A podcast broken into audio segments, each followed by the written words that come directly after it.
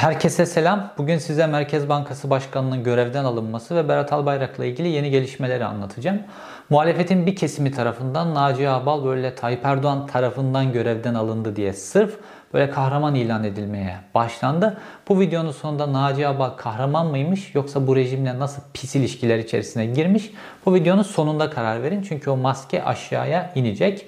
Bugün size bir kahramanın çöküşü ve Naci Ağbal olayının perde arkasını bütün boyutlarıyla anlatacağım. Tabii ki Berat Albayrak'la ilgili de yeni gelişmeler var.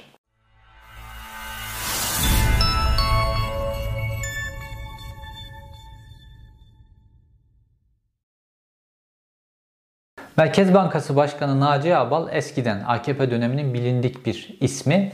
Ee, Maliye Bakanlığı'nın müsteşarlığını yaptı. Uzun yıllar sonra Maliye Bakanı da oldu işte. Ve en sonunda da işte bir süre kıza çekildikten sonra çünkü kendisinin AKP içerisinde çatışma halinde olduğu bazı kesimler var. Kıza çekildikten sonra en sonunda da getirtildi e, Merkez Bankası'nın başına kondu. Kim tarafından? Tayyip Erdoğan tarafından. Ne zaman? 5 ay önce. Neden? Ee, damadının ekonomideki performansıyla ilgili bazı hamleler yapmayı planlıyordu Tayyip Erdoğan. Bu çerçevede yapıldı ve damadı da reaksiyon gösterip istifa etti. Çünkü çatışma içerisinde olduğu kesimlerin başında Tayyip Erdoğan'ın damadı geliyor idi. Ve Naci Abal Merkez Bankası Başkanlığı'nda işte piyasanın beklentileriyle ilgili şeyler yaptı. Faiz arttırdı vesaire vesaire. Ve sonrasında da görevden alınınca çünkü görevden alınma biçiminin altına sokulan kılıfta, kılıf nedeniyle şu an herkes Naci Ağbal'ı kahraman ilan ediyor. Şimdi nasıl görevden alındı, nasıl bir operasyonla görevden alındı onu birazdan anlatacağım. Naci Ağbal kahraman mıymış? Bir önce bu buna gelelim. Naci Ağbal Maliye Bakanlığı içerisinde Tayyip Erdoğan'ın böyle kolu olarak biliniyordu. Böyle evet bakanlar var filan, Maliye Bakanları filan ama Naci Ağbal orada sürekli Tayyip Erdoğan'ın gölgesi gibi bir adam. Çünkü milli görüş içerisinden gelmiş bir isim diye. Ve Naci Abal o dönem ben de işte Ankara'da e, gazeteciyim. Naci Abal böyle lüks yaşantısıyla dikkat çeken bir bürokrattı. Fakat bu paralar, bu kazandığı paralar bürokrat maaşıyla, Maliye Bakanlığı müsteşarlığı maaşıyla kazanılamayacak kadar lükslerdi. Bunlardan bir tanesi Naci Abal'ın saat tutkusu. Ve o dönem müsteşarken daha Naci Ağbal'ın kolundaki bir saatin fotoğrafı o zaman çekilmişti. Ve ben de Star Gazetesi'ndeydim o zaman. Hükümetin gazetesi olmasına rağmen Star Gazetesi'nde bu haberi sokmaya başarmıştık o dönem. Hükümete yakın bir gazete olmasına rağmen. O neydi? Naci Ağbal'ın kolundaki saat. Saatin değeri 220 bin dolardı o dönem. Ve e, şu an markasını bile hatırlayamadığım bir saatte ama o dönem çıkmıştı. İnternetin arşivinde de bulunabilir belki. Ve böyle böyle bir lüks bir adam. Şimdi Naci Abal sözde muhalefete göre işte Merkez Bankası'ndan şu an kayıp olan e, bir şekilde eridiği, buharlaştığı söylenen 130 milyar dolar var ya sözde onun peşine düşmüş. Bu 130, çünkü bu 130 milyar dolar Merkez Bankası'nın rezervi çeşitli kişilere, kurumlara e, satıldı. Fakat bu e, döviz hangi kurdan satıldı? Nasıl satıldı? Nasıl elden çıkartıldı? Bundan kimler para kazandı? Filan bu kısmı muamma. Hiçbir şeffafiyet yok burada. Ve buharlaştırılan bu 130 milyar dolarla ilgili olarak süreç içerisinde sözde Naci Abal bu para kimlere böyle ne şekilde ne kurlarda satıldı filan bunun peşine düşmüş. O yüzden görevden alınmışmış sözde. Bir de reel sektörün istediği faizleri yapıyormuş da o yüzden. Şimdi Naci Abal Maliye Bakanı oldu bu. Müsteşarlıktaki bu lüks hayatı böyle. Maliye Bakanı oldu. İşte 2016 yılında Naci Abal'la ilgili bilinen bir şey. Vergi sıfırlaması denen hadise. Türkiye Cumhuriyeti tarihinin en büyük vergi sıfırlamalarını Naci Abal yapmıştır. Müsteşarlığı döneminde, bakanlığı döneminde, Maliye Bakanlığı'nda. Mesela bir tanesini örnek vereyim. 2016 yılında Cengiz İnşaat'ın 424 milyon liralık eski parayla 424 trilyon liralık vergi borcunu, borcunu tek kalemde sıfırladı Maliye Bakanı imzasıyla. Ve bu e, bu medyaya yansıyınca o dönem işte muhalefetin daha doğrusu bazı milletvekilleri gündeme getirince Naci Abal dedi ki önce yalanladı bu şeyi. Sonra belgesi ortaya çıkınca da işte haksız yere hiçbir para silinmemiştir bir yerden filan dedi. Fakat bu tek değil. O böyle o beşli çete olarak bildiğimiz kişiler var ya Ondan sonra sadece bu işte Cengiz İnşaat milletin aslına koyarım demişti ya Cengiz İnşaat. Naci Abal da onunla birlikte koyan bir adam yani. İkisi birlikte yaptılar bu millete ne yaptılarsa. Fakat diğer o beşli çetenin iş adamları falan var. Başka iş adamları var Tayyip Erdoğan'a. Hepsiyle ilgili bunlarla ilgili o kadar çok geçmişte haber yaptık ki internet arşivine bakın. Bir sürü vergi sıfırlamaları yapıldı ve bu vergi sıfırlamalarının hemen hepsinde ya müsteşar olarak ya bakan olarak Naci Ağbal'ın imzası vardır. Dolayısıyla Naci Ağbal gırtlağına kadar yolsuzluğa batmış, hediye saatlere boğulmuş bir adamdır. Naci Ağbal'dan öyle kahraman, yok dürüst, yok 130 milyar doların peşine düştü. Yok işte e, piyasa faizini Tayyip Erdoğan'a rağmen arttırdı da o yüzden görevden alındı. Böyle duruş sahibi filan. Naci Ağbal'dan öyle bir adam çıkmaz. Zaten görevden alındıktan sonra Tayyip Erdoğan görevden alınıyor. Beni görevden aldığı için çok teşekkür ederim Sayın Cumhurbaşkanımıza diye tweet atıyor. Neden? Çünkü o konumları Naci Ağbal'a Tayyip Erdoğan verdi. İstediği zaman kıza çeker Naci Ağbal'ı hiç sesi çıkmaz. İstediği zaman en üst pozisyona getirir, al, alır görevi. Sonra tekrar Naci Ağbal Tayyip Erdoğan'la e, böyle e, kanka vaziyetinde çalışır. Ve böyle dediğim gibi ikisi de Milli Görüş Teşkilatı'nın içerisinden yetişmiş gelmiş kişilerdir. Dolayısıyla Naci Ağbal yolsuz bir adamdır. Yolsuzluğa bulaşmış bir adamdır. Vergi sıfırlamaları, aşırı pahalı yaşamının finanse edilmesi vesaireyle Naci Ağbal'dan bir kahraman çıkmaz. Peki nasıl oldu da Naci Ağbal görevden alındı? Şimdi Naci Ağbal'ın görevden alınışı bir operasyon şeklinde yapıldı. Tayyip Erdoğan bunu bu kılıfına uydurması lazım da Naci Ağbal için bu önemli değildir. Reisimiz nasıl uydursa uydurursun kılıfa. Bana istediğini yapsın, beni pespaye çevirsin önemli değil. Yarın öbür gün bana yine yağlı bir e, börek verir diye düşünür. Önce işte bunu kılıfına uydurmak için kamuoyunun gözünün önünde Naci Ağbal piyasa beklentilerinin üzerinde bir faiz arttırımı yaptı. Normalde bir beklerken piyasa 2 puanlık bir faiz arttırımı yaptı. Ondan sonra da Yeni Şafak, işte hükümetin tetik gazetelerinden bir tanesi Yeni Şafak'a bir sürü manşet yaptırdılar. İşte Naci Abal'ın bu faizci politikasına karşı bir e, şey e, manşet olarak Yeni Şafak'ta çıktı. Bunun üzerine de Naci Abal görevden alınınca hikaye şöyle oldu. İşte Naci Abal böyle işte Tayyip Erdoğan faize karşı bir adam. Faiz işte Tayyip Erdoğan bir teorisi var böyle akla ziyan. İşte faiz yüksek olduğu için enflasyon yüksek oluyor filan diye ve bu teze karşı çıktığı için Tayyip Erdoğan'ın bu faiz düşmanı tavrına, faiz lobisiyle birlikte hareket ettiği için Naci Ağbal görevden alınmış. Sözde. Hikaye böyle. Peki gerçek böyle mi? Yok. Tayyip Erdoğan işte bir kılıfına uydurması lazımdı. Naci Ağbal'ı görevden almak zorunda kalışının bir sebebi var. Fakat Tayyip Erdoğan'a aile içerisinden bir güç tükürdüğünü yalatmış oldu bu hadisede 5 ay içerisinde. Dolayısıyla Tayyip Erdoğan geçerli bir sebebe tükürdüğümü yaladım dememeye ihtiyacı var. O sebepte işte bu faiz arttırımı çağırmıştır Naci. Naci oğlum gel. Sen faizi piyasa beklentisinin üzerinde arttır. Sonra işte biz Yeni Şafak'a şöyle böyle Serhat'a söyledim. Serhat Yeni Şafak'a ayarlar. Böyle bir haber yaptırırız. Ondan sonra da seni postalarız diye düşünüyorlar. Diye söylemiştir Tayyip Erdoğan. Sana sonra biz güzel bir görev veririz. Sarayda pozisyon çok, orada çok, burada çok. Naci Ağbal'da tamam demiştir. Ve bu bu şekilde olmuştur. Peki Naci Abal'ın hiç mi böyle hani karşısında olan, altına oymaya çalışan kişiler yoktu? Elbette vardı. Naci Abal'la birlikte işte Tayyip Erdoğan sarayında geçmişte birlikte çalıştıkları bazı kişiler var ve aralarında bir gerilim var. İşte Naci Abal evet Berat Albayrak'la arasında bir gerilim var. İşte bu Yiğit Bulut filan bunlar böyle Tayyip Erdoğan'ın yakınında ve Tayyip Erdoğan'ın ekonomik politikasını oluşturan kişiler o Yiğit Bulut ve ekibi Naci Ağbal'ın böyle Merkez Bankası Başkanı olarak bu Yiğit Bulutları filan pas geçerek doğrudan Tayyip Erdoğan'la temas halinde bir adam. Çünkü çok eskiden beri tanışıyorlar. Birçok sıfırlamayı beraber yaptılar. Dolayısıyla bu Yiğit Bulutlar filan bunun bu, bu sıcak temastan rahatsızdılar. Onlar hani birisi Merkez Bankası Başkanı olacaksa Tayyip Erdoğan'a bizim kadar yakın olmamalı filan. Hani ilişkiler esas politikayı biz yürütmeliyiz filan diye düşünürler. Bunlar da altına uymuş olabilirler filan ama esas hadise Tayyip Erdoğan'ın damağı, damadıyla ilgili hadise. Şimdi hatırlayın Naci Ağbal'ı yani Berat Albayrak'ın kanlı bıçaklı derecede sevmediği çünkü Berat Albayrak böyle birisi bir konuda kendisinden çok bir şey bilirse işte Maliye Bakanlığı'nda Naci Ağbal ondan daha çok bir şey bilir. Bir iki toplantıda hani ona ondan daha çok bildiğini falan göstermişse ona düşman olmasına yeter. E, kendisinden böyle daha yıl daha iyi bilen filan birisine tahammülü yoktur Berat Albayrak. Herkes yanında siz ne kadar iyi biliyorsunuz. Dahi muamelesi yapmasını bekler Berat Albayrak. Etrafındaki herkesin ve kim Berat Albayrak'a dahi muamelesi yapıyorsa o bakanlıklarda orada burada yükselmiştir. Bu hadise böyledir. Şimdi dolayısıyla Berat Albayrak aile içerisindeki bu çatışmayı Tayyip Erdoğan'ın bir şekilde yatıştırması gerekiyordu. Fakat Berat Albayrak bu konuda dediğim dedik çaldığım düdük bir vaziyette gidiyor. Ve e, Tayyip Erdoğan aniden hani Berat Albayrak'la bir adım atmak için bir barış mutabakatı imzaladılar anlaşılan.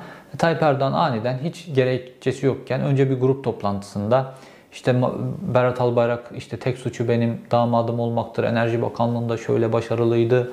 Ee, Ekonomi Bakanlığı'nda böyle başarılıydı. Bugün işte ekonomi düzeliyorsa onun attığı adımlardır filan. Bir anda övmeye başladı. Ertesi hafta bir daha işte başınıza Berat kadar taş düşsün, damat kadar taş düşsün filan. Böyle Berat Albayrak pozitif gündemlerle gündeme getirmeye çalışıyordu. Bir taraftan da Berat Albayrak'a bazı hamleler yaptırdı Tayyip Erdoğan. AK Parti'nin teşkilatlarına son dönemde çok yüksek para dağıtılmaya başlandı. Ve teşkilatlara bu paralar Berat Albayrak üzerinden gönderilmeye başlandı. Teşkilatlar parayı Berat Albayrak'tan aldıkları için dolayısıyla Berat Albayrak'a rağm olurlar diye bir e, hamle vardı. Sonrasında da Tayyip Erdoğan Berat Albayrak'ı bir pozisyona getirmek istiyor ama teşkilatla arasındaki bu şeyi çünkü Berat Albayrak'ın şöyle de bir yönü var. Bu İslamcıların genel özelliklerinden birisidir. Böyle diş geçiremedikleri adama karşı böyle çok saygılı falan davranırlar. Bir adama diş geçiriyorlarsa ona böyle aşağılama, hakaret, ezme her şeyi yaparlar. Size diş geçirdiğini fark etmeye görsünler. Şimdi Berat Albayrak da böyle o diş geçirebiliyor, bürokratları falan böyle ezer dümdüz eder geçer. Ama böyle hani beyaz Türk falan böyle gibi böyle karşısında durabilecek falan onlara karşı böyle daha saygılı falan e, davranır. Piyasada da böyledir. Böyle iş adamlarıyla ilişkilerinde de böyle. E, dolayısıyla teşkilatlar Berat Albayrak son dönemde Berat Albayrak'ın eliyle onlara sürekli para verilse de Berat Albayrak'ın teşkilatlar parti dönemli bir pozisyona geldiğinde hepsini dümdüz edeceklerini e, biliyorlar. Hatta bunun çok sembol bir fotoğrafı vardır. Enerji Bakanı iken Berat Albayrak karşısında bir tane bürokrat o dönem bir ara biliyorsunuz Berat Albayrak'ın Enerji Bakanlığı'nda habire elektrikler kesiliyordu İstanbul'da orada burada. Fabrikalar günlerce elektriksiz kaldı. Bir tane zavallı bürokratı karşısına almış böyle aşağılıyor aşağılıyor fotoğrafta gözüküyor. Bürokrat artık böyle ne yapacağını şaşırmış vaziyette karşısında duruyor böyle. Çok böyle rahatsız edici bir fotoğraftı. Teşkilat da Berat Albayrak kendisine böyle davranacağını biliyor. Ve Tayyip Erdoğan'ın teşkilatlara yönelik bu hamlesi tutmadı. E, niye tutmadığını birazdan anlatacağım. Ve şimdi Tayyip Erdoğan işte Berat Albayrak kabine içerisinde ya da sarayda bir pozisyon için hazırlıyor, pozisyona getirmek zorunda. Ve barış çubuğu olarak da Berat Albayrak'la anlaştıkları nokta. Çünkü Naci Abal o pozisyondayken onu kabul etmesi mümkün değil. Ve Berat Albayrak, Yiğit Bulut, Serhat Albayrak filan bu üçlü bir konsorsiyum içerisinde Naci Abal bir anlaşma çerçevesinde gitti. Naci Abal orada rahat bekler. E, parasını kazanmaya devam eder. Başka bir pozisyon verilir ona. Ve şimdi Berat Albayrak'ı hazırlıyor Tayyip Erdoğan. Normalde Berat Tayyip Erdoğan'ın Berat Albayrak'la ilgili planı kongreydi. Fakat partiden aldığı nabızlarda Berat Albayrak'ın e, üstünün çizileceği, MKYK'ya bile giremeyeceği, e, ona çok net ortaya çıkmıştı Tayyip Erdoğan'ın partiden aldığı nabızlarda. Bütün o para akıtmalara Berat Albayrak eliyle akıtmalara rağmen dolayısıyla Berat Albayrak'ı kongreye getirmedi e, Tayyip Erdoğan. Şimdi Berat Albayrak da hani tek başına gelmese, diğer çocukları falan gelseler bu sefer de bir sıkıntı olacak. O zaman da ne yaptılar? Kongreye bir tek Emin Erdoğan geldi. Ne Berat Albayrak geldi. Ne diğer damat geldi Selçuk Bayraktar. Ne kızlar geldi filan böyle oğullar moğullar hiç kimse gelmedi. Ee, sadece işte dünürler geldi. Sadık Albayrak, diğer dünür geldi filan ve e, Emin Erdoğan e, geldi kongreye. Ki Tayyip Erdoğan kongrelere inanılmaz böyle önem verir. Aileden, sözde aileden hiç kimse katılmıyormuş gibi bir düzen oluşturdular. Anlaş, Tayyip Erdoğan anladı ki ne yaparsam yapayım Berat Albayrak'ın bu partide bir pozisyona getirme durumu söz konusu değil. Bu iticiliği, itici yöneticiliği nedeniyle AKP'nin bile kabul edemediği, AKP'lilerin bile kabul edilemediği yöneticiliği nedeniyle. Dolayısıyla partide yapamıyorsam devlette yaparım. Devlet zaten Yağma Hasan'ın böreği. Ondan sonra devlette bir pozisyona Berat Albayrak'a yakın vadede getirebilir.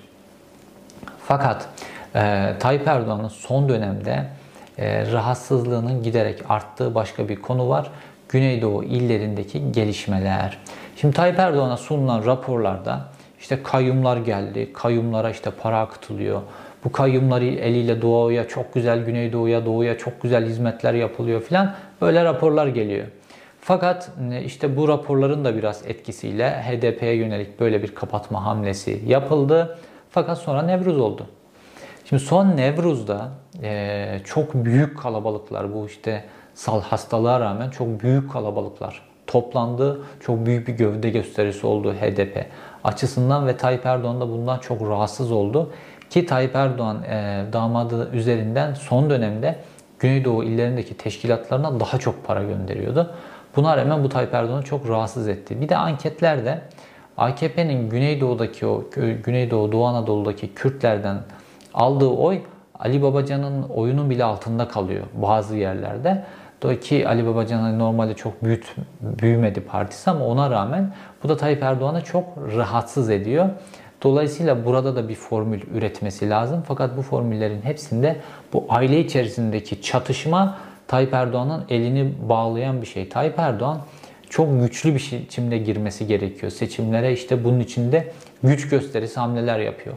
Tak İstanbul Sözleşmesi'ni iptal ediyor. Bir güç gösterisi. İslamcılara gücünün ne kadar güçlü olduğunu hala gösteriyor. Oradan Saadet'ten birkaç puan gelir. Ondan sonra e, Amerika'ya Biden'a ayar veriyor kendisine göre. Merkez Bankası Başkanı'nı görevden alıyor filan böyle peş peşe HDP'ye kapatma davası açıyor. Güç gösterileri yapıyor. Hep bir şekilde böyle yani uzay araç göndereceğiz dedi. Bundan bir netice çıkmadı. O zaman devletin gücüyle bir şeyler yaparım diye bazı hamleler gerçekleştiriyor peş peşe.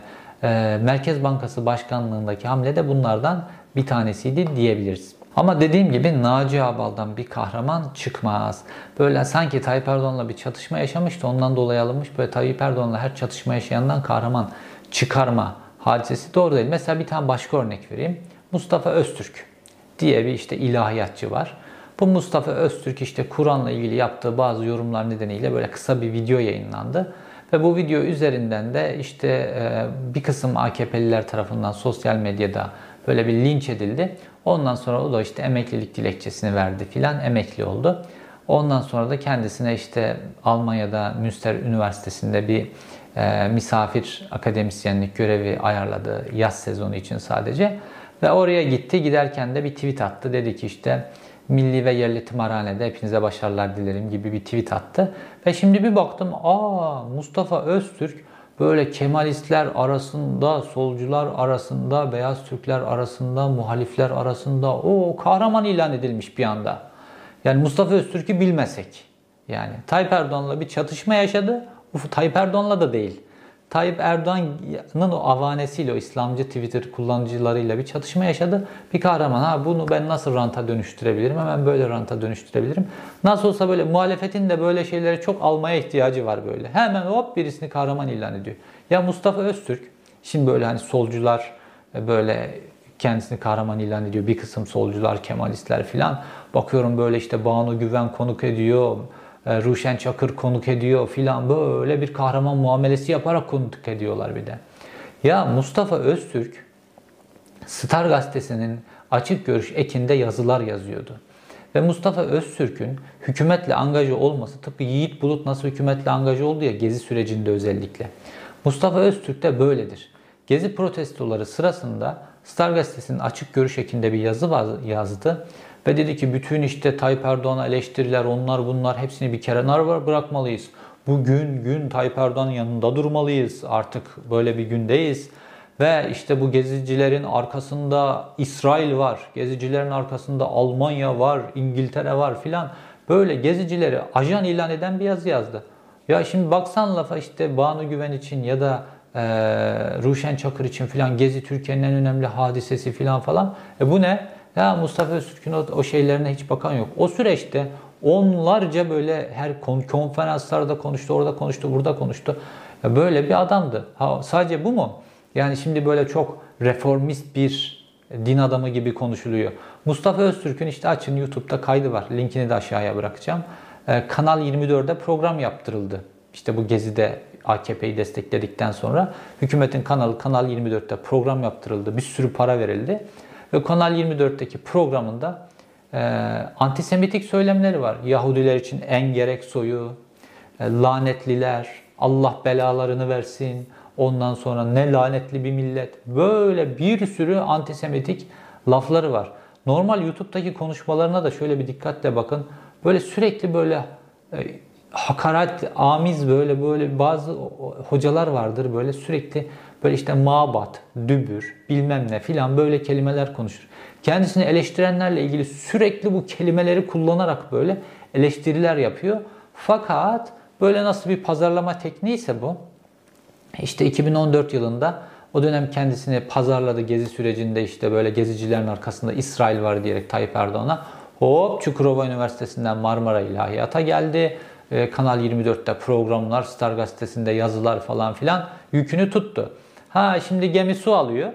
Gemi su alıyor. Şimdi hop yelkeni bu tarafa kırdı. Ondan sonra oh Almanya Münster Üniversitesi'nde e, o akademisyen, e, misafir akademisyen olarak davetler. Ondan sonra böyle Atatürk'ün portrelerini paylaşmalar, bilmem neler. Şimdi de bu tarafa. Yani Naci Ağbal, Naci Ağbal bile bu kadar profesyonel yapamadı bu işi. Fakat Naci Ağbal'dan da muhalefet çok kahraman çıkarmak için böyle çok hevesli. Ne yapsak da Naci Ağbal'dan kahraman çıkarsak işte faizi şöyle şu kadar 2 puan arttırdı. Böyle değil ya. O yolsuzlukların içerisinde bir adam. Bu da böyle hakaret, amiz, ondan sonra gezi gibi bir sürecin arkasında komplo arayan, ondan sonra antisemitik söylemleri olan bir adam. İnsanları bir bütün olarak değerlendirmek lazım. Ha insanların şey yok mu böyle insanlar geçmişteki hatalarıyla sadece değerlendiremez. Naci Abal çıksın ondan sonra ben bu vergi sıfırladım, e, yetimin hakkını yedim, devletin kasasına girmesi gereken e, paraları Tayyip Erdoğan'ın emri doğrultusunda Mehmet Cengiz'in bu vergi borçlarını sıfırladım, diğer iş adamların vergi borçlarını sıfırladım diye itiraf etsin suçlarını önce. Ondan sonra bununla ilgili yüzleşsin. Ondan sonra tamam okey biz de şey yapalım. Ya da bu antisemitik söylemleri nedeniyle ondan sonra bunlarla ilgili bir e, ona bir konuşsun. Bir kendisini bir değerlendirsin Mustafa Öztürk. Ondan sonra onunla da konuşalım. İşte Almanya'dayız. Karşılıklı oturup konuşabiliriz. Ama böyle yok. Ona dün öyle, bugün böyle, şu gün şöyle falan filan. İnsanların hayatına bütün olarak baktığınızda hiç değişmiyor. İşte güce, imkanlara falan göre pozisyon alıyorlar. Naci Abal'ın hala beklentisi var. O pozisyonunu koruyor. Görevden alınıyor. Özür teşekkür ediyor görevden alınmaya. Mustafa Öztürk ise şimdi işte Almanya'ya gelmiş. Almanya'da başka bir boru öttürüyor. Ee, ama gerçekler böyle. İzlediğiniz için teşekkür ederim. Bir sonraki videoda görüşmek üzere.